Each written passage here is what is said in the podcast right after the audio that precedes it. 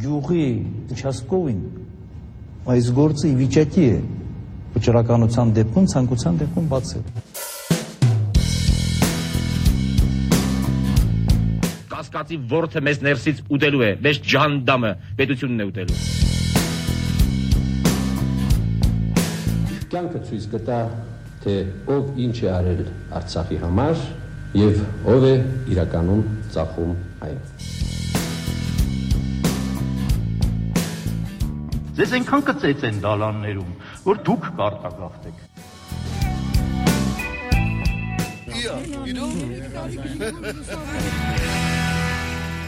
Ուղիղ 22 տարի առաջ 1998 թվականի ապրիլին Ռոբերտ Քոչարյանն օպերային թատրոնի մեծ դահլիճում պաշտոնապես ստանձնեց Հայաստանի Հանրապետության նախագահի պաշտոնը։ Ստանձնելով Հայաստանի Հանրապետության նախագահի պաշտոնը հայ ժողովրդի արչև երդվում եմ Քաղաքական ուժերի եւ երկրի բնակիչների մի զգալի մասի համոզմամբ սահմանադրության դրույթների կոպիտ խախտմամբ եւ փաստաթղթեր կեղծելու շնորհիվ ընտրություններին մասնակցելու իրավունք ստացած Քոչարյանը երրորդ հանրապետության պատմության առաջին եւ առայժմ վերջին նախագահը դարձավ, որ չկարողացավ հաղթանակի հասնել քվեարկության առաջին իսկ փուլում։ 1998-ի մարտի 16-ին նշանակված ընտրությունների նախորդին, սակայն Ռոբերտ Քոչարյանի շտաբում շատերը վստահ էին ընտրությունները հնարավոր է ավարտել մեկ փուլով։ Ռոբերտ Քոչարյանի կենտրոն կենտրոնական նախընտրական շտաբում մթնոլորտն առավել քան լավատեսական է։ Այստեղ չեն կասկածում, որ իրենց տեխնացուն առաջին փուլի արդյունքներով գրավելու է առաջին տեղը իսկ ոմանք էլ համոզված են, որ երկրորդ փուլ պարզապես չի լինելու, քանի որ իրենց տեխնացուն հաղթելու է հենց առաջին փուլում։ Քոչարյանի շտաբում տիրող այդ տրամադրությունները սակայն շատ քիչ առնչություն ունեին երկրում տիրող իրական տրամադրությունների հետ։ Անկամ անզեն աչքով էր տեսանելի, որ Քոչարյանը նույնիսկ վարչական ռեսուրսի եւ ուժայինների աներկ բաժակցության պայմաններում հազիվ թե կարողանա առաջին իսկ փուլում ջախջախել իր հիմնական մրցակցին Կարեն Դեմիրճյանին։ 1998-ին քիչ չէին նաև մյուս առաջատար տեխնացուների ԱԺՄ առաջնորդ Վազգեն Մանուկյանի, կոմունիստ Սերգեյ Բադալյանի, Բարույր Հայրիկյանի ընտրողները, ինչը գործնականում անհնարին էր դարձնում ընտրությունները մեկ փուլով ավարտելու ցանկացած փորձ։ Տեխնացուների առատությունն էր նաև այն կարևորագույն գործոնը, որ ապահովեց մարտի 16-ի քվեարկությանը ընտրողների մասնակցության բարձր ցուցանիշը շուրջ 64% կամ ավելի քան 1 միլիոն 400 հազար մարդ ըստ պաշտոնական տվյալների։ Ժամը 16-ի դրությամբ Չարենցավանում ընտրողների մոտ կեսը արդեն մասնակցել էր ընտրությանը։ Դասեցի մատես մարդու ընտրեմ, ախպեր, որ մեր ժողովրդին նայ։ Այդ մտածեցի ու ընտրեցի իմ ուզածը։ Բայց չեմ ասում եմ ընտրել։ Ազատության 1998-ի մարտի 16-ի եթերում Կոտայքի մարզում ընթացող քվեարկության մասին պատմում էր Հրաչ Մելքոմյանը։ Գրեթե նույն վիճակն էր մյուս մարզերում, օրինակ Արարատում։ Ծողները մասնակցությունը ինչպեսին են այսօր։ Ձեր շրջապատում բարեկամներ, հարևաններ ակտիվ են մասնակցում։ Շատ, շատ ակտիվ է, չգիտեմ, երևի տարիներ առաջվա այդ երանդը, այդ ողջավորվածությունը նորից կա։ Արտաշատի ընտրողների հետ 1998-ի մարտի 16-ին զրուցել էր Գայանե Դանիելյանը։ 1998 2008-ին ընտրողների ակտիվությանը նպաստում էր նաև այն հանգամանքը, որ քվեարկության արդեն առաջին ժամերին կազմակերպված կերպով տեղամասեր էին գալիս զինծառայողները։ Սպայակազմի ուղեկցությամբ շատ հաճախ նաև զորամասերում ազդեցության ոչ ֆորմալ լծակներ ունեցող հեղինակություն համարվող զինվորների աչալուրջ հսկողության ներքո։ Ընտրությունները կատարվեն լրիվ չոտքի նորմալ ձևի, ով ում ցանկանում է նրան կընտրի։ Եվ եթե քվեարկության առաջին ժամերին գոնե ամեն ինչ քիչ թե շատ հանդարտ էր ընթանում, ապա կեսօրից հետո իրադրությունը պատմությունը սկսեց լարվել նախ եւ առաջ Երևանում։ Խախտումների նման աշխարհագրությունը պատահական չէր։ Երևանում Քոչարյանի դիրքերն ամենաթույլն էին։ Երևանցի ընտրողների մեծամասնությունը նախապատվությունը տալիս էր Կարեն Դեմիրճյանին, նաեւ Վազգեն Մանուկյանին։ Երևանում ի տարբերություն մարզերի ավելի դժվար էր վարչական ռեսուրսի կիրառումը, ի տարբերություն սահմանամերձ շրջանների մայրաքաղաքի ընտրազանգվածի շրջանում ավելի փոքր էր զինծառայողների տեսակարար կշիռը։ Որպես հետևանք 1998-ի ընտրություններին առաջին անգամ ողջ ծավալով ի հայտ հայտ եկավ մի գործոն, որ հետագայում կստանա թաղի խուժան հավաքական բնութագրումը։ 30-ից 40 երիտասարդներ մտել են ընտրատարածք, բոլոր հանձնաժողովի անդամներին, որոնք փորձել են ինչ-որ դիմագրավել, քաշքշել են, դեմ են տվել պատին, անձամբ ԱԺՄ-ի կողմից վստահված անձ Գրիգորյան Գայանեին հարվածել են, բանկել հատակին, եւ սկսել են մեծ քանակությամբ քվեաթերթիկներ լցնել քվյատուփը։ Գրեթե նույնատիպ երապուլ սցենարով էր ընթացել քվեարկությունը նաև Աչափնյակում, Կուտակում, Հարցակում, Լցոնում։ Այդ մասին Ազատության մարտի 17-ի եթերում պատմում էր Կարեն Դեմիրճյանի Աչափնյակի շտաբի ղեկավար Կամո Իգիթյանը։ Կեսօրից հետո արդեն սկսեցին կուտակվել տեղամասների մոտ ինչ-որ տղաներ, այստեղ 117 դպրոցում շատ մեծ աշուրջուն կար այդ տղաների 131 դպրոցի մոտ կար հատկապես Սեբաստիան Ուլյանոցի մոտ Համայնքային շտաբի ղեկավարը հայտնեց, որ տղաներն իրար հետ հաղորդակցվում էին ռացիաներով ու բջջային հեռախոսներով եւ նախազգուշացնում տեղամասերն իրենց մուտքի մասին։ Կամոյի Գիթյանի կարծիքով այս ամենն ինչպիսի արդյունք կունենա ընտրությունների ելքի վրա։ Եթե ասենք վերցնենք այն տեղամասերը ու թվերը տեղամասները, որտեղ այդքան ճնշում չի գործածվել 500 ձայն աստծացել ասենք Դեմիրճյանը 300 ձայն 350 ձայն ստացել է Քոչարյանը այն տեղամասները որտեղ իրանք ուրեմն ճնշում են գործադրել համարյա 4 անգամ ավել Ռոբերտ Քոչարյանը ասել է ձայներ ըստ որում դուսայգու այդ տեղամասներում 100%-ից ավել մարդիկ քեվարգել են 131 դպրոցի ընտրական տեղամասում միջադեպից տուժել է Կարեն Դեմիրճյանի վստահված անձ 50-ամյա ուսուցչուհի Էմա Խուդաբաշյանը ուզեցել են տուփ լցնեն թերթիկները։ Ասում է ես գցվեցի այդ տուպի վրա, մարմենով փագեցի տուպը, ղրացի, թողնեցեք, օգնեցեք, ոչ մեկ օգնության չասավ, չնայած ասում է լիքան դե տղամարդկա հանձնաժողովի անդամներ են, դեղ էին, միլիցիաներ են, դեղ էին։ Եվ այդ կնոջը քաշել են տուպից, տուպը ջարդել են ու տուպի մեջ լցրել են։ Քվեաթուփ նետված այդ թերթիկները հաջողվել է տարբերակել, քանի որ դրանք ծալված են եղել ոչ մեկական։ 364-ից 7 հատը անվավել են։ Մնացածը բոլորը ուրեմն պատկանում է Ռոբերտ Քոչարյանին։ Կեղծիքների ծավալը սակայն ողջ խորությամբ հասկանալի դարձավ միայն քվեարկության հաջորդ օրը մարտի 17-ին, երբ պարզվեց, որ որոշ գյուղերում Ռոբերտ Քոչարյանի գլխավոր մրցակիցը ոչ մի քվե չի ստացել։ Հետաքրքիր զուգադիպությամբ այդ նույն գյուղերում ընտրողների մասնակցության անհավանական բարձր ցուցանիշ էր արձանագրվել։ Ընտրական այդ անոմալիաների վրա առաջինը ազատության 1998 թվականի մարտի 17-ի առավոտյան եթերում ուշադրություն դարձրեց Գնել Նալբանդյանը։ Արշալույս գյուղ Սերգեյ Բադալյան 145 Կարեն Դեմիրճյան 115, Վազգե Մանուկյան 234, Ռոբերտ Քոչարյան 1462։ Հայկաշեն գյուղում Սերգեյ Բադալյան 53 ձայն, Վազգե Մանուկյան 52 ձայն, Ռոբերտ Քոչարյան 704 ձայն։ Այս գյուղում մնացածների վերաբերյալ որևէ տեղեկություն չկա։ Հայաստանյան իրողություններին անծանոթ մարդուն վերջին երկու գյուղերի արձանագրությունները, ասենք, կարող են անհասկանալի թվալ Սակայն երբ պարզվում է, որ օրինակ Ռոբերտ Քոչարյանին 1462 ձայն տված գյուղը հրճակավոր գեներալ Մանվելի գյուղն է, թվում է բնական է, որ մնացած տեխնացուների օկտին տված գրեթե հավասարաչափ ձայները, եթե միմյանց գումարենք, պետք է որ ստացված տիվը գերազանցի ոչ միայն քվեարկած անձանց թվին, այլև ընտրելու իրավունք ունեցողների թվին։ Կեղծիքների նման ծավալն էր, որ ստիպեց ընդդիմադիր 5 տեխնացուներին՝ Կարեն Դեմիրճյանին, Վազգեն Մանուկյանին, Սերգեյ Բադալյանին, Պարույր Հայրիկյանին եւ Դավիթ Շահնազարյանին մարտի 16-ի երեկոյան դեռ մինչև ընտրատեղամասերի փակումը հանդես գալ հայտարարությամբ, պնդելով մեջբերում։ Անկախ արդյունքներից Հայաստանի Հանրապետության նախագահի արտահերտ ընտրությունները չեն կարող համարվել ազատ եւ արդար։ Հայտարարության հրապարակումից մի քանի ժամ անց դրան միացան նախագահական ընտրարշավին մասնակցող եւս երկու տեխնացու ուսումներ Աշոտ Բլեյանը եւ Վիգեն Խաչատրյանը։ Իրադարձությունների հետագա ընթացքը վկայեց, որ մարտավարական տեսանկյունից ընդդիմության այս քայլը արդարացված էր։ Կարծում եմ, որ այդ հայտարարությունը հասավ իր նպատակին այն իմաստով, որ դա ինչ որտեղ զգաստեցրեց խախտում կատարողներին եւ որոշ չափով գոնե կանխեց խախտումների հզորության ավելացումը, սովորաբար մենք գիտենք, որ ընտրությունների ավարտին մոտ ժամերի ընթացքում է խախտումների ամենամեծ տեսակարար փշերը կատարվում։ Կարեն Դեմիրճյանի նախընտրական շտաբի լրատվամիջոցների հետ կապի պատասխանատու Արմեն Վալեսյանի հետ Ազատության 1998 թվականի մարտի 17-ի եթերում զրուցել էր Վահան Հովանիսյանը։ Այսպիսով երկրորդ փուլն անխուսափելի էր։ Կենտրոնական ընտրական հանձնաժողովի հրապարակած նախնական արդյունքների համաձայն Ռոբերտ Քոչարյանը ստանում էր քվեների 38, իսկ Կարեն Դեմիրճյանը 30%-ը։ Ընդդիմության աջակիցների շրջանում սակայն այդ օրերին տարածված մի մտայնություն կար, թե իրականում Դեմիրճյանի ստացած ձայներն անհամեմատ ավելի շատ են, քան պաշտոնապես արձանագրվել է։ Շատերի համոզմամբ էլ Քոչարյանն իրականում ստացած քվեների քանակով ոչ թե առաջինն էր, այլ երկրորդը։ Այդ կասկածներն էլ ավելի ամրապնդվեցին, երբ ընդդիմությունը մի շարք տեղամասերում քվեների վերահաշվարկի պահանջ ներկայացրեց։ Իշխանությունների համար դիմադրության պայմաններում Երևանում գտնվող հարյուրավոր տեղամասերից վերահաշվարկն իրականացվեց միայն 7-ում, բայց անգամ դրանցում կատարված այդ վերահաշվարկը բավարար էր հասկանալու համար, թե ինչ է կատարվել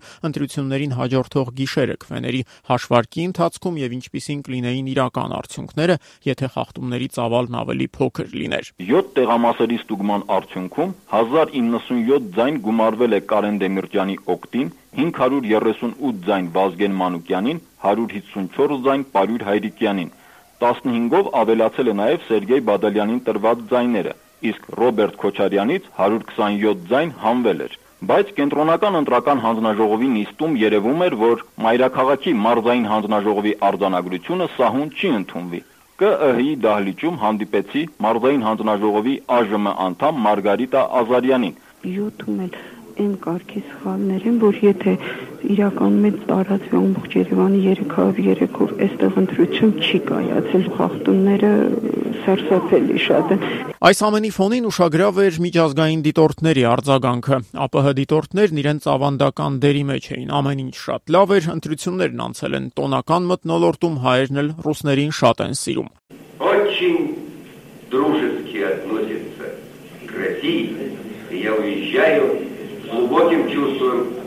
будущего нашего единения։ Արևմտյան դիտորդների պարագայում ամեն ինչ իհարկե այդքան միանշանակ չէր, բայց եւ այնպես քաղաքական շրջանակներում շատերը զարմացան, երբ ԵԱՀԿ եւ Եվրոպայի խորհրդի միասնական դիտորդական առաքելության անդամները 1998-ի մարտի 18-ին սպասվածից շատ ավելի մեղմ գնահատականներով հանդես եկան։ Overall,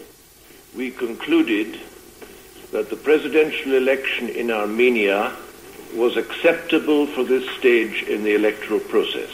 Ընդհանուր առմամբ եկանքային եզրակացության, որ մարտի 16-ին ընտրությունները Հայաստանում անցան ընդունելի մակարդակով, ասաց լորդ Ռասել Ջոնսթոնը, ավելացնելով, որ ամեն դեպքում լուրջ օրինախախտումներ եղան։ Լորդ Ջոնսթոնի ղեկավարած պատվիրակությունը տպավորություն ուներ, թե նկատվել են խախտումներ, որոնք տեխնիկական բնույթի են։ Այսպիսիների թվում նա նշեց բաց ընտանիքի անդամների փոխարեն քվեարկությունները, ոստիկանական եւ քաղաքացիական հագուստով ոստիկանների ներկայությունը քվեարկության վայրերում կեղծ քվեաթերթիկները պատվիրակությունը կարծում է, որ խախտումները հիմնականում ընտրական միջին ոլորտի պաշտոնյաների երանդի պատճառ են եղել եւ իշխանությունների նպատակամողված քաղաքականության արդյունք չեն։ Արևմտյան դիտորդների ասուլիսի մասին պատմում էր Ռուզան Խաչատրյանը։ Բայց նույնիսկ արևմտյան դիտորդների նման մեղմ գնահատականները Ռոբերտ Քոչարյանին դուր չէին եկել ընտրություններից մի քանի օր անց հրավիրած մամուլի ասուլիսի ժամանակ Քոչարյանը բավական երկար բողոքում էր ԵՀԿ եւ Եվրոպայի խորհրդի դիտորդական առաքելությունների նախնական համատեղ զեկույցում տեղ գտած քննադատությունից, թե իր տեղական շտաբերից մեկում ընտրակաշարք են բաժանել, հերոստանգերություններն էլ հակված են եղել եթերում ավելի շատ տեղ հատկացնել իշխանության տեխնացուին։ Քոչարյանի ասուլիսին ներկա լրագրողներից շատերը հանկարծ զարմանքով հայտնաբերեցին, որ երկրորդ փուլ անցած տեխնացուն չի էլ փորձում թաքցնել, որ արևմտյան դիտորդների հետ հանդիպումների ժամանակ արել է հնարավորը նրանց զեկույցների բովանդակության վրա ազդելու համար որոշ հարցերի վերաբերյալ իրենք էլ կասկածներ ունեն, որ միգուցե այդքան ճիշտ չէր գրված։ Խոսքը գնում է այ մեդիայի օգտագործման մասին, դա առաջինը, երկրորդը դա եղել է պետական ռեսուրսների օգտագործման խնդիրը, ես դրա հետ համաձայն չեմ, նման բան ընդհանրապես չի եղել։ Բանակցությունները ԵԱՀԿ դիտորդական առաքելության հետ շարունակվում են, վարչապետը հույս ունի, որ նրանց վերջնական եզրակացությունն ավելի մեղմ է լինելու։ Արևմտյան դիտորդների նման ոչ միանշանակ պահվածքի թերևս ամենադիպուկ գնահատականի հեղինակն էլ այդ օրերին դարձավ Վանո Սիրադեղյանը առավոտին տված հարցազրույցում։ Վանո Սիրադեղյանը առավոտ թերթին է փոխանցել իր հետևյալ դիտողությունը. Եթե ինչ-ինչ մարդիկ հույսներ է դրել են դիտորդների վրա, խոր մոլորության մեջ են, քանզի նրանք երիցս տգած ունեն, թե ինչ ընտրություններ են տեղի ունենում Հայաստանում, ազատ, արդար, թափանցիկ թե ծովից ծով, միայն թե մեկն ու մեկը օր առաջ ընտրվի եւ գնա վերսկսի ընդհատված բանակցությունները։ Ազատության 1998 թվականի մարտի 19-ի եթերում մամուլի տեսությունը ներկայացնում էր Վաչե Սարգսյանը։ Առաջին փուլից մի քանի օր հետո կարող էր թվալ, թե Ռոբերտ Քոչարյանի հաղթանակի շանսերն ավելի քան իրական են։ Ընդամենը 11 ամիս առաջ Ստեփանակերտից Երևան տեղափոխված վարչապետն այժմ Հայաստանի նախագահի պաշտոնի համար պայքարող երկու տեխնացուներից մեկն էր։ Նրա շտաբի ձեռքում էր կենտրոնացված երկրի ողջ վարչական ռեսուրսը, իսկ քաղաքական դաշտի ամենափորձառու հատվածը ԱԺՄ-ն, կոմունիստներն ու ԱԻՄ-ը մարտի 16-ից հետո փաստորեն խաղից դուրս վիճակում էին։ Իրականում սակայն այս ամենը Քոչարյանի համար շահեկան կարող էր թվալ միայն առաջին հայացքից։ Բանն այն է, որ վարչական ռեսուրսը կենտրոնացած էր ոչ թե անձամբ Քոչարյանի, այլ առավելապես Վազգեն Սարգսյանի, որոշ առումով նաև Սերժ Սարգսյանի ձեռքերում։ Երկրորդ փուլ չանցած ընդդիմադիրների պահվածքը եւս միանշանակ չէր։ Վազգեն Մանուկյանը, Պարույր Հայրիկյանն ու Սերգեյ Բադալյանը ընտրությունների առաջին փուլում պաշտոնական տվյալների համաձայն միասին ավելի քան 400 հազար քվ էին ստացել։ Դա ընտրություններին մասնակցածների ավելի քան 28%-ն էր կազմում։ Եթե հաշվի առնենք այն հանգամանքը, որ այս երեք գործիչներն էլ մարտի 16-ի երեկոյան ստորագրել էին այսպես կոչված 5-ի հայտարարության տակ, Քոչարանին ու նրա կողմնակիցներին մեղադրելով լայնածավալ ընտրախախտումների մեջ, ապա པարզ կդառնար, որ մարտի 30-ին նշանակված երկրորդ փուլից առաջ իշխանության տեխնացուի դիրքերը բավական խոցելի էին։ Քոչարյանը մի կողմից պետք է արագորեն իմի բերեր սեփական շտաբը, բացառելով իր թիկունքում ցանկացած երկակի խաղի հնարավորություն, մյուս կողմից նույնքան արագորեն պարակտեր ընդդիմադիր դաշտը Դեմիրճյանի շուրջ միասնական ճակատի ձևավորումից խուսափելու համար։ Այդ վերջին նպատակին հասնելու համար Քոչարյանի շտաբը ընդդիմադիրների հետ սկսեց բանակցել, երբ կենտրոնական ընտրական հանձնաժողովը դեռ չէր էլ ամփոփել ընտրությունների առաջին փուլի նախնական արդյունքները։ Առաջինը, որ գրեթե բացահայտ կերպով ակնարկեց Քոչարյանի հետ դաշինքի գնալու իր շահագրգռության մասին, այմ առաջնորդ Պարույր Հայրիկյանն էր ընտրությունների հաջորդ օրն արդեն նա հայտարարում էր, թե 5-ի հայտարարությունն անհամեմատ ավելի կոշտ կլիներ, եթե չլինեին իր ջանքերը։ Բացի այդ, ընդդիմադիրների հետ խորհրդակցություններին զուգահեռ մարտի 16-ին Հայրիկյանը փորձել էր հանդիպել Ռոբերտ Քոչարյանի հետ։ Հանդիպումը սակայն չէր կայացել ըստ Հայրիկյանի Քոչարյանի մրսացության պատճառով։ Ռոբերտ Քոչարյանի թիմում սակայն այմ առաջնորդի այս քայլերը ընկալեցին ինչպես եւ հարկն էր, որպես բանակցությունների գնալու անթակույց պատրաստակամություն, ուստի պատահական չէ, որ առաջին փուլից ընդամենը 5 օր անց մարտի 21-ին Ռոբերտ Քոչարյանի ամենամերձավոր թիմակիցներից մեկը, նրա աշխատակազմի ղեկավար Ալեքսան Հարությունյանը գործուղվեց ԱԻ մարտահերթ վեհաժողովին, որտեղ առանց ավելորդ ձևականությունների ասաց, թե ինչ պաշտոն է առաջարկվում Հայրիկյանին իշխանության տեխնացուի կողմն անցնելու դիմաց։ Պիտի շատ կարևոր փոստ սահմանվի Հայաստանում, գուցե դա կոչի այսպես ինչ որ գլխավոր մի խորհրդականի փոստ, որը պիտի կոորդինացնի եւ ղեկավարի այդ պետաիրավական համակարգի բարեփոխումները։ Վեհաժողովի անդամները բնականաբար հարցեր տվեցին նրան, ասենք, ԱԻՄ-ը ունի 96-ի դաշինքի դառը փորձը, Եթե Հայրիկյանը այժմ աջակցում է Քոչարյանին, ինչ երաշխիք, որ Քոչարյանը նախագահ դառնալուց հետո չի մոռանա վերոհիշյալ գլխավոր խորհրդականի պոստի մասին։ Դեռ չեմ տեսել մի դեպք, երբ ասեք ինչ որ պայմանավորվածություն Ռոբերտ Քոչյանը խախտի, բացառությամբ այն պայմանավորվածությունների, ինչ նա ունեցել է ադրբեջանցիների հետ։ Պարույր Հայրիկյանին իրենց կողմը քաշելուց հետո քոչարյանականների համար առաջնահերթ էր դառնում ԱԺՄ-ի հարցը։ տարբերություն այն ղեկավարի առաջին փուլում 12%-ով երրորդ տեղը զբաղեցրած Վազգեն Մանուկյանին խորհրդականի պաշտոնով հրապուրելն այնքան էլ հեշտ չէր։ Բացի այդ, ԱԺՄ շարքերում տիրող մթնոլորտը ԱԻՄ-ում տիրող կացությունից տարբեր էր։ Վազգեն Մանուկյանի աջակիցների մեծամասնությունը Քոչարյանի հանդեպ առանձնակի համակրանք չէր տածում։ Դա էր պատճառը, որ մարտի 25-ին կինոյի տանը կայացած ԱԺՄ ընդլայնված խորհրդակցության մասնակից մասնակիցները բուրըն ծափահարություններով էին դիմավորում Վազգեն Մանուկյանի Քոչերանի հասցեին սուր քննադատությամբ համեմված ելույթը։ Մենք բոլորս հասկանում ենք, որ Ռոբերտ Քոչարյանը քվե հավաքել արդար ընտրություններով Հայաստանում հնարավորություն չունի։ Եվ իր տեխնատություն դնելը դա նշանակում է գնալ կեղծիքների։ Գնալ նրան, ինչ որ մենք տեսանք հետագայում։ Ըստ Վազգեն Մանուկյանի, Քոչարյանական համակարգը կոնֆիդենցիալ տեղեկությունների համաձայն նախապես ակնկալում էր Հայաստանում քվեստանալ Ղարաբաղյան, Կիրովաբադյան եւ այլն ցակումով զանգվածից,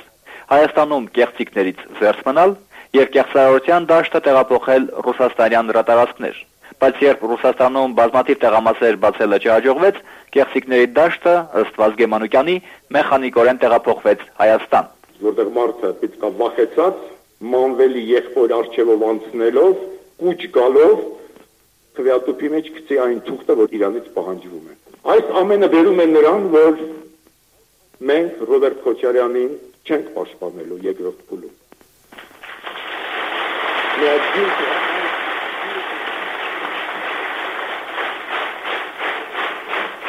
Չնայած Քոչարյանին ուղված այս ջախջախիչ քննադատությանն ու կուսակցական շարքերում տիրող տրամադրություններին 98-ի ընտրությունների երկրորդ փուլում ԱԺՄ-ն որոշեց չպաշտպանել նաև Կարեն Դեմիրճյանին։ Ուշագրավ է իդեպ, որ այս որոշման հրապարակմանը զուգահեռ Վազգեն Մանուկյանն անկեղծորեն նշում էր, թե իր համոզմամբ Կարեն Դեմիրճյանի ընտրության դեպքում Հայաստանում քաղաքական միջավայրն անհամեմատ ավելի ազատ է լինելու, քան Քոչարյանի նախագահ դառնալու պարագայում։ Մեր վախը այն է, որ մի դեպքում լինում է սուր բռնապետական մի հատ համակարգ, մյուս դեպքում լինում է միգուցե մի քիչ ավելի ազատ քաղաքական դաշտ, բայց մի ճահիճ, դրա համար մենք չենք պաշտպանում Կարեն Դեմիրճյանին։ Այժմը գաղափարական հակառակորդները կոմունիստները ընտրությունների երկրորդ փուլից առաջ գրեթե նույն դիրքորոշումը ворթեգրեցին, ինչ Վազգեն Մանուկյանը։ Հայկոմկուսի դիրքորոշումը սակայն ավելի տրամաբանական էր։ Կոմունիստները դեռ ընտրությունների առաջին փուլի շեմին էին Կարեն Դեմիրճյանին սոցիալիստական գաղափարների դավաճան ու ռենեգատ անվանել, պնդելով, թե նա ընտրապայքարը մտել միայն մեկ նպատակով՝ ՀԿԿ-ից ձայներ խլելու համար։ Մարտի 30-ի քվեարկությունից 5 օր առաջ կոմունիստների առաջնորդ Սերգեյ Բադալյանն իր կողմնակիցներին կոչ արեց առաջադրված տեխնացուներից եւ ոչ մեկին ձայն չտալ, բայց եւ այնպես գնալ տեղամաս։ Չեմ կարող տանը նստել, մենք կոչ ենք անում ժողովրդին գնալ եւ ես ինքս կորոշեմ անգամ կինս չի իմանա, թե ես ինչպես եմ քրակել։ Հայրիկյանի անցումն իշխանության կողմ, ինչպես նաև ԱԺՄ-ի եւ կոմունիստների չեզոք դիրքորոշումը Դեմիրճյանի շուրջընդդիմության միավորումը գործնականում անհնարին դարձրեցին։ Այժմ Քոչարյանի շտաբը մեկ այլ ոչ պակաս կարևոր խնդիր պետք է լուծեր՝ անձամբ Կարեն Դեմիրճյանից եկող վտանգի չեզոքացումը։ Այս խնդիրը սակայն դժվար լուծելի էր ոչ միայն Դեմիրճյանի բարձր վարկանիշի, այլև Քոչարյանի շտաբում արկա փաստացի պարակտման պատճառով։ Դեռ ընտրությունների առաջին փուլի նախորդին հստակորեն զգացվում էր շտաբի ներսում առնվազն առնվազն երկու խումբ գոյություն ունի, որոնց միջև ազդեցության անդադար պայքար է ընթանում։ Առաջին խմբում էին Ռոբերտ Քոչարյանի ամենամերձավոր շրջապատի ներկայացուցիչները եւ նոր բանտից դուրս եկած դաշնակցականները։ Երկրորդ խմբի առաջնորդը Քոչարյանի շտաբի դե ֆակտո ղեկավարն էր պաշտպանության նախարար Վազգեն Սարգսյանը, դրամատրության տակ եղած գրեթե անսահմանափակ վարչական ռեսուրսով խորհրդանում ներկայացված երկրապահական մեծամասնությամբ եւ այն անհուն վստահությամբ, որ շտաբում վերջին խոսքը միշտ իրենն է լինելու։ Այս ինքնավստահությունն էր թերևս պատճառը, որ ընտրությունների առաջին փուլից մի քանի օր առաջ Վազգեն Սարգսյանը հանդես եկավ անակնկալ մի հայտարարությամբ, ասելով, թե իր համոզմամբ Ռոբերտ Քոչարյանը նախագահ ընտրվելու դեպքում վարչապետի պաշտոնում պետք է նշանակի Կարեն Դեմիրճյանին։ Ակնհայտ էր, որ ոչ Քոչարյանին, ոչ էլ նրա մերձավոր շրջապատին այս հերանեկարը բացարձակապես չէր ողջևորում։ Մինչև առաջին փուլի ավարտը, սակայն ներշտաբային այս ֆրակցիան գերադասում էր լռել եւ հակահարցակման անցավ արդեն երկրորդ փուլից մոտ 10 օր առաջ։ Ակնհայտ է, որ Քոչարյանի շտաբի մարտավարությունը փոխվում է։ Եթե առաջին փուլի նախորդին Ռոբերտ Քոչարյանի շտաբի պատասխանատուները Կարեն Դեմիրճյանի դեմ որևէ լուրջ քարոզչություն չէին տանում, ապա այս անգամ դրական քարոզչության կողքին կլինի նաև բացասականը։ Այս կապակցությամբ հետաքրքիր մի հարց է ցակում։ Ընտրությունների առաջին փուլի նախորդին Պաշտպանության նախարար Վազգեն Սարգսյանը ելույթ ունենալով 5 շաբթի հեռուստացրագրով ցանկություն հայտնեց Քոչարյանի հաղթանակի դեպքում վարչապետի պաշտոնում տեսնել Կարեն Դեմիրճյանին։ Նույն օրերին Քոչարյանին աջակցող մամուլը սուր քննադատական հոդվածներ էր հրապարակում ընդդեմ Կարեն Դեմիրճյանի։ Ինչպես հասկանալ Ռոբերտ Քոչարյանի կողմնակիցների ճամբարում տիրող այս տարակարծությունը։ Պաշտպանության նախարարի հայտարարությունը եղել է հաստատության ժամանակ եւ ուղղակի որպես տարբերակ մտածվել հստավոր թե պաշտոնական առաջարկություն կամ չգիտեմ ինչ է եղել որ բավականին երկար շարժվեց։ Աղվան Վարդանյանի 1998 թվականի մարտի 21-ին կայացած ասուլիսի մասին ազատության եթերում պատմում էր Վահան Հովանիսյանը։ Այս նույն օրերին པարզ դարձավ թե ինչ դերակատարություն է Քոչարյանի քարոզարշավի ընթացքում վերապահված ԱԻՄ առաջնորդին։ Պարույր Հայրիկյանը պետք է ասեր այն, ինչ չէին կարող իրենց թույլ տալ իշխանության ներկայացուցիչները։ Այս դառն օրերի մտնում մահաբեր Արնոտ Խնջուկի այս սեր զնդանում դավաճան է նա, ով լռում է դեռ, մատնի ով իր սուրը չի հանում։ Այդպես 10 տարի ապրել է Կարեն Դեմիրճյանը, եւ հիմա ասպարեզը իշել որպես քաղաքական գործիչ, անձամբ ես նրան բնորոշել եմ որպես քաղաքական դիակ։ Պարզ հակակարողությունը, անվանարկումներն ու վիրավորանքները սակայն միևնույն է բավարար չէին Կարեն Դեմիրճյանին չեզոքացնելու, նրա հնարավոր ընտրական հաղթանակը կանխելու համար։ Երկու փուլերի արանքում բավական լուրջ ճնշումներ սկսվեցին կիրառվել Դեմիրճյանի մի շարք տեղական շտաբերի դեմ, մասնավորաբար Արթիկում եւ Գորիսում, բայց դա էլ ըստ երևույթին բավարար չէր։ Դեմիրճյանի քարոզարշավը կատվածահար անելու համար ուստի ընտրությունների երկրորդ փուլից մոտ 10 օր առաջ խաղի մեջ մտավ Սերժ Սարգսյանի ղեկավարած ազգային անվտանգության եւ ներքին գործերի նախարարությունը, որի հասցրած հարվածի թիրախը Դեմիրճյանի կենտրոնական շտաբն էր, ավելի ճիշտ նրա անվտանգությունն ապահովող նախկին ոստիկանների խումբը, որոնցից մեկը դրանից մի քանի տարի առաջ Վանո Սիրադեղյանի թիկնապահներ եղել նախկին այս իրավապահներին Դեմիրճյան Բաղրամյան խաչմերուկում ձերբակալեցին 1998-ի մարտի 21-ին ընտրություններից 9 օր առաջ իբր ոստիկանության ինչ որ հատուկ գործողություն խափանելու համար։ Գործ ունի նաև քաղաքական յենտատեքստ, որը մեզ տանում է միանգամից 3 ուղղությամբ։ Առաջին, ձերբակալվածներն այս կամ այն կարգավիճակով մասնակցել են Կարեն Դեմիրճյանի նախընտրական արշավին։ Երկրորդ, նրանք խիստ որոշակի առնչություն ունեն Վանո Սիրադեղյանի անձի հետ եւ սա փայլուն քարոշչական առիթ է ցույց տալու Դեմիրճյան Սիրադեղյան կապը։ Որտեղ Դեմիրճյանը, որտեղ Հայաշյան։ Ինչի՞ն է Հայաշյան բերում տալիս ինձ։ Հավանաբար հենց Դեմիրճյանի դեմ ձեռնարկված այս տոտալ արշավն էր պատճառը, որ ընտրությունների երկրորդ փուլից ընդամենը մի քանի օր առաջ Վազգեն Սարգսյանը վերջնականապես հրաժարվեց Կարեն Դեմիրճյանի հետ դաշինքի մտադրությունից։ Այս գաղափարին պաշտպանության նախարարը կվերադառնա ավելի ուշ 99-ի գարնան իր մերձավոր զինակիցներ Վահրամ Խորխորունու եւ Արծրուն Մարկարյանի առեղծվածային սպանություններից հետո խորհրդարանական ընտրությունների շեմին ձևավորելով միասնություն դաշինքը։ 98-ի գարնանը սակայն պաշտպանության նախարարը գերադասեց մոռանալ Դեմիրճյանին Քոչարյանին վարչապետի պաշտոնն առաջարկելու իր իսկ գծագրած սցենարի մասին միանալով Ռոբերտ Քոչարյանին գովերքող եւ նրա մրցակցին նսեմացնող հայտարարություններով հանդես եկող զանգվածին։ Որպեսզի որևէ հարց լուծվի, դա լինի ռազմական, տնտեսական, թե քաղաքական, առաջին հերթին անհրաժեշտ է նորմալ բարի մտնոլորտ Հայաստանում։ Ռոբերտ Քոչարյանը կարող է այդ մտնոլորտը ստեղծել։ Ինչու՞ ինչու նա եւ ուրիշ որևէ մեկը, որովհետեւ ինքը գալիս է մաքուր ձեռքերով, մաքուր նպատակներով։ Եվ յուրաքանչյուր պահի մենք նստած ենք հրաբխվող դանթած պատերազմի վրա մեր երկրի գլխավոր հրամանատարը, տվյալ դեպքում նախագահը, պիտի զորավար լինի, հասկանում եք։ Մեր մյուս թաքնածուն իր կյանքում չի եղել ֆրոնտում, իր կյանքում նա Ղարաբաղում չի եղել, Սյունիքում չի եղել գրեթե։ Մեր մյուս թեկնածուն, եթե պատերազմը վերսկսվեց, չգիտեմ ինչպես է ինձ հրահանգներ տալու, չգիտեմ ինչպես պաշտպանության նախարարից կամ մեկ ուրիշ պաշտպանության նախարարի։ Ընտրարշավի վերջին օրերին Կարեն Դեմիրճյանի դեմ Քոչերյանի շտաբի կողմից ձեռնարկված հակակարողությունը հասավ գագաթնակետին։ Քննադատական, նաև վիրավորական հայտարարություններին հոդվածներին ավելացավ հայտնի մուլտիպլիկատոր Ռոբերտ Սահակյանցի ստուդիայում շտաբ կարգով նկարահանված ծաղրական հոլովակը, որևէ մեկին անտարբեր թողնել այն չէր կարող առաջին հերթին հենց Դեմիրճյանի աջակիցներին, որոնք այդ թեմայի մասին խոսեցին 1998-ի մարտի 28-ին Ազատության հրապարակում կայացած վերջին նախընտրական հանրահավաքի ժամանակ։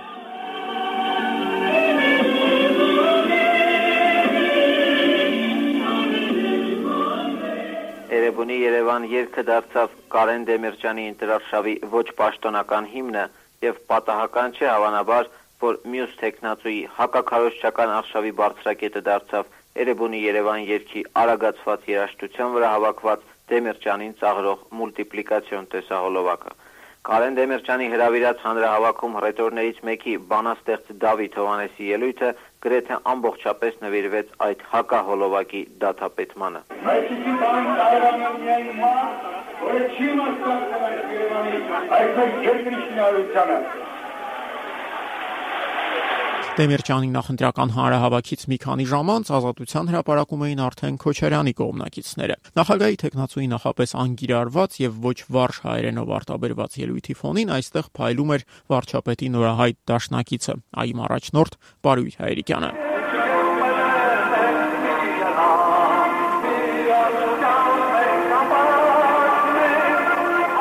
Էրեբունի Երևան երկի մեղեդիներին փոխարինելու են եկել Պարույր Հայրիկյանի երկերը։ Երևանում եղանակն այսօր անպամած էր, թվում էր ուր որե Անդրեև պիտի գա, սակայն գոնե մինչև հանրահավաքի վերջը երկինքն իրեն զսպեց։ Այսօր մենք ստիպված ենք պայքարել նաև մի երևույթի դեմ, որը կոչվում է կատարողալ։ Նոստալգիա։ Հանրահավաքի կոնֆերանսը կազմակերպիչը Պարույր Հայրիկյանն էր։ Պատատում եք հարտակը։ Դուք ստեղ ինչի եք կանգնել։ Ես չեմ եկել ձեզ համար նկարվելու։ Հեռացեք, որ ճանապարհը պետք է բաց լինի։ Դու էստեղից հեռացիր։ Ձերքերը թող եւ ձայնդ կրնի։ Որքան մոտենում էր մարտի 30-ն, այնքան շատանում էին սպասվող կեղծիքների, ընտրողների նկատմամբ կիրառվող ճնշումների մասին տարատեսակ տեղեկությունները։ Երբեմն նույնիսկ դժվար էր հասկանալ, թե այդ լուրերի հոսքում որտեղ է իրականի եւ մտածածինի սահմանը։ Հայաստանի հեռավոր գյուղերից մեկում տեղամասային ազնաժողովի անդամները ընտրողներին քվեարկության կարգը բացատրել են հետեւյալ կերպ ով Քոչարյանի կողմն է, նրա վանդակում պլյուս է դնում, ով դեմ է մինուս։ Արավոտ թերթում սա գոնե առայժմ մատուցվում է որպես ընտրական անեկդոտ։ Հայաստանյան ընտրատեղամասերն իրենց դռները բացեցին 1998-ի մարտի 30-ի առավոտյան ժամը 8-ին։ Ռոբերտ Քոչարյանը քվեարկեց կեսօրին մոտ Երևանի կենտրոնում գտնվող տեղամասում հավաքված տասնյակ լրագրողների հարցերից միայն մի քանիսը պատասխանի արժանացնելով։ Նախագահության տեխնացու վարչապետ Ռոբերտ Քոչարյանն այսօր ընտրական տեղամասում գրեթե չխոսեց լրագրողների հետ, ավելի շուտ խուսափեց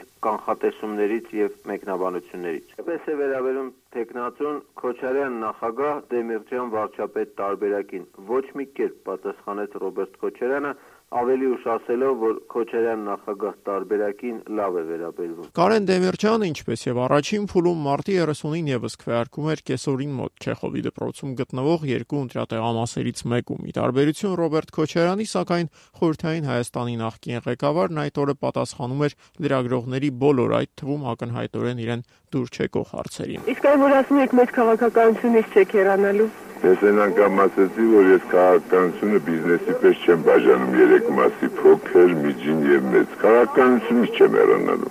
Ինչ վերաբերում է նոստալգիա արտահայտության եւ իր տեխնացության միջև զուգահեռներին, ասաց, որ նոստալգիա անունով հիմա ընդամենը մի բան գիտի՝ ռադիոկայան։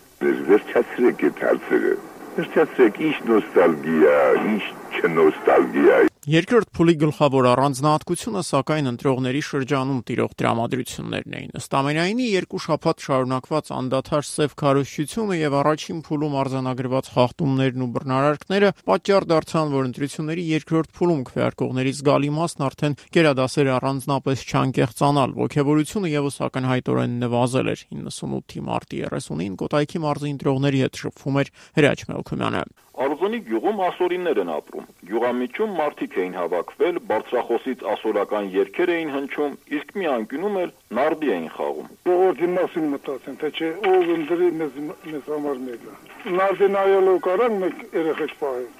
Ապրել է վատ էր, իսկ ընտրությունները Արզունիում լավ էին ընթանում, նույնիսկ չափից դուրս լավ։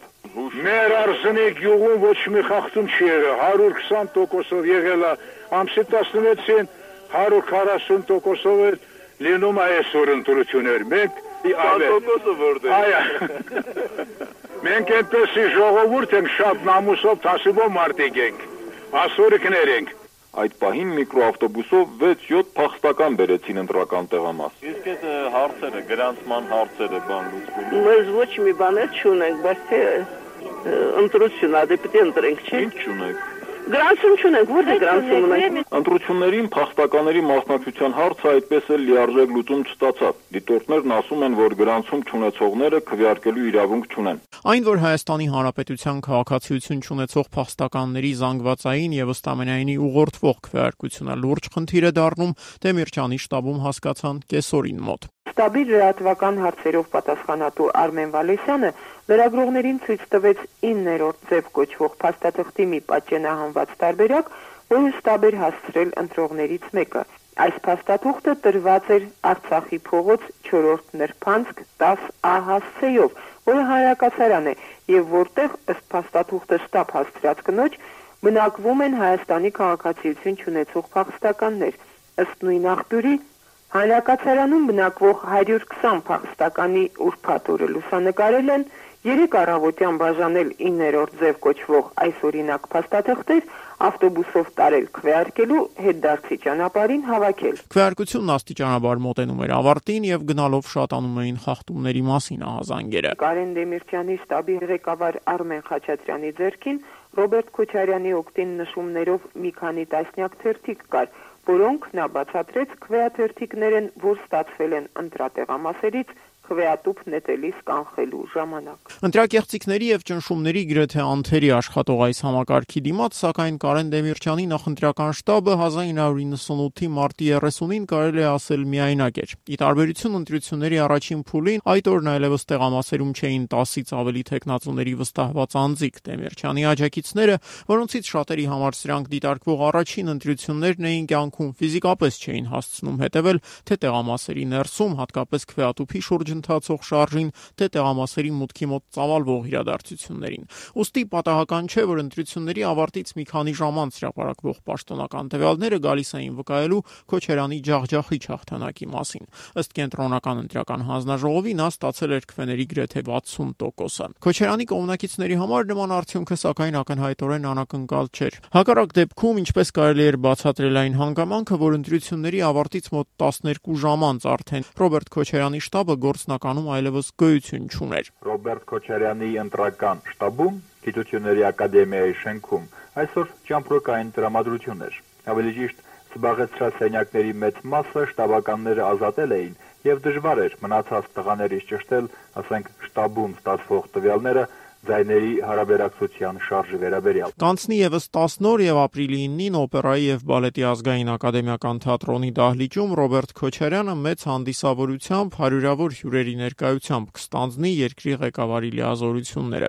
Այդ նույն ժամերին Հայաստանից հազարավոր կիլոմետրեր այն կողմ իրենց վերջնական զեկույցը կհրապարակեն ԵԱՀԿ դիտորդները արձանագրելով, որ 1998 թվականի արտահերթ նախագահական ընտրությունները չեն համապատասխանել Հայաստանի ստանձնած միջազգային պարտավորություններին։ Առաջին փուլի քվեարկությունն ընդհանուր առմամբ ընդունելի որակած արևմտյան դիտորդները վերջնական զեկույցում հանդես եկան տրամագծորեն հակառակ պնդումներով։ Քվեների հաշվարկը 98 թվականի ընտրությունների երկրորդ փուլում դիտորդները վատ կամ շատ վատ էին որակում իրենց այցելած 62 տեղամասերից 23-ում կամ 37%-ում։ Եվս 44 տեղամասերում ԵԱՀԿ դիտորդները հայտնաբերել էին, որ քվեատուփերը պատշաճ կերպով կապարակնքված չեն։ Այս ամենը սակայն մեծ հաշվով արդեն որևէ նշանակություն չուներ։ Քոչարյանն արդեն իսկ նախագահ էր եւ այդ պաշտոնը նա չի լքի ուղիղ 10 տարի 2008-ի ապրիլի 9-ին մարտի 1-ի ողբերգությունից ուղիղ 40 օր անց Բաղրամյան 26-ի բանալիները հանձնելով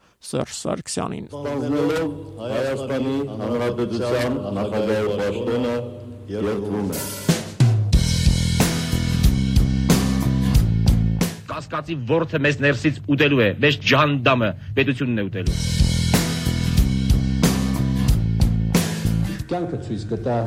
թե ով ինչ է արել Արցախի համար եւ ով է իրականում ծախում այն։ Yeah, you know.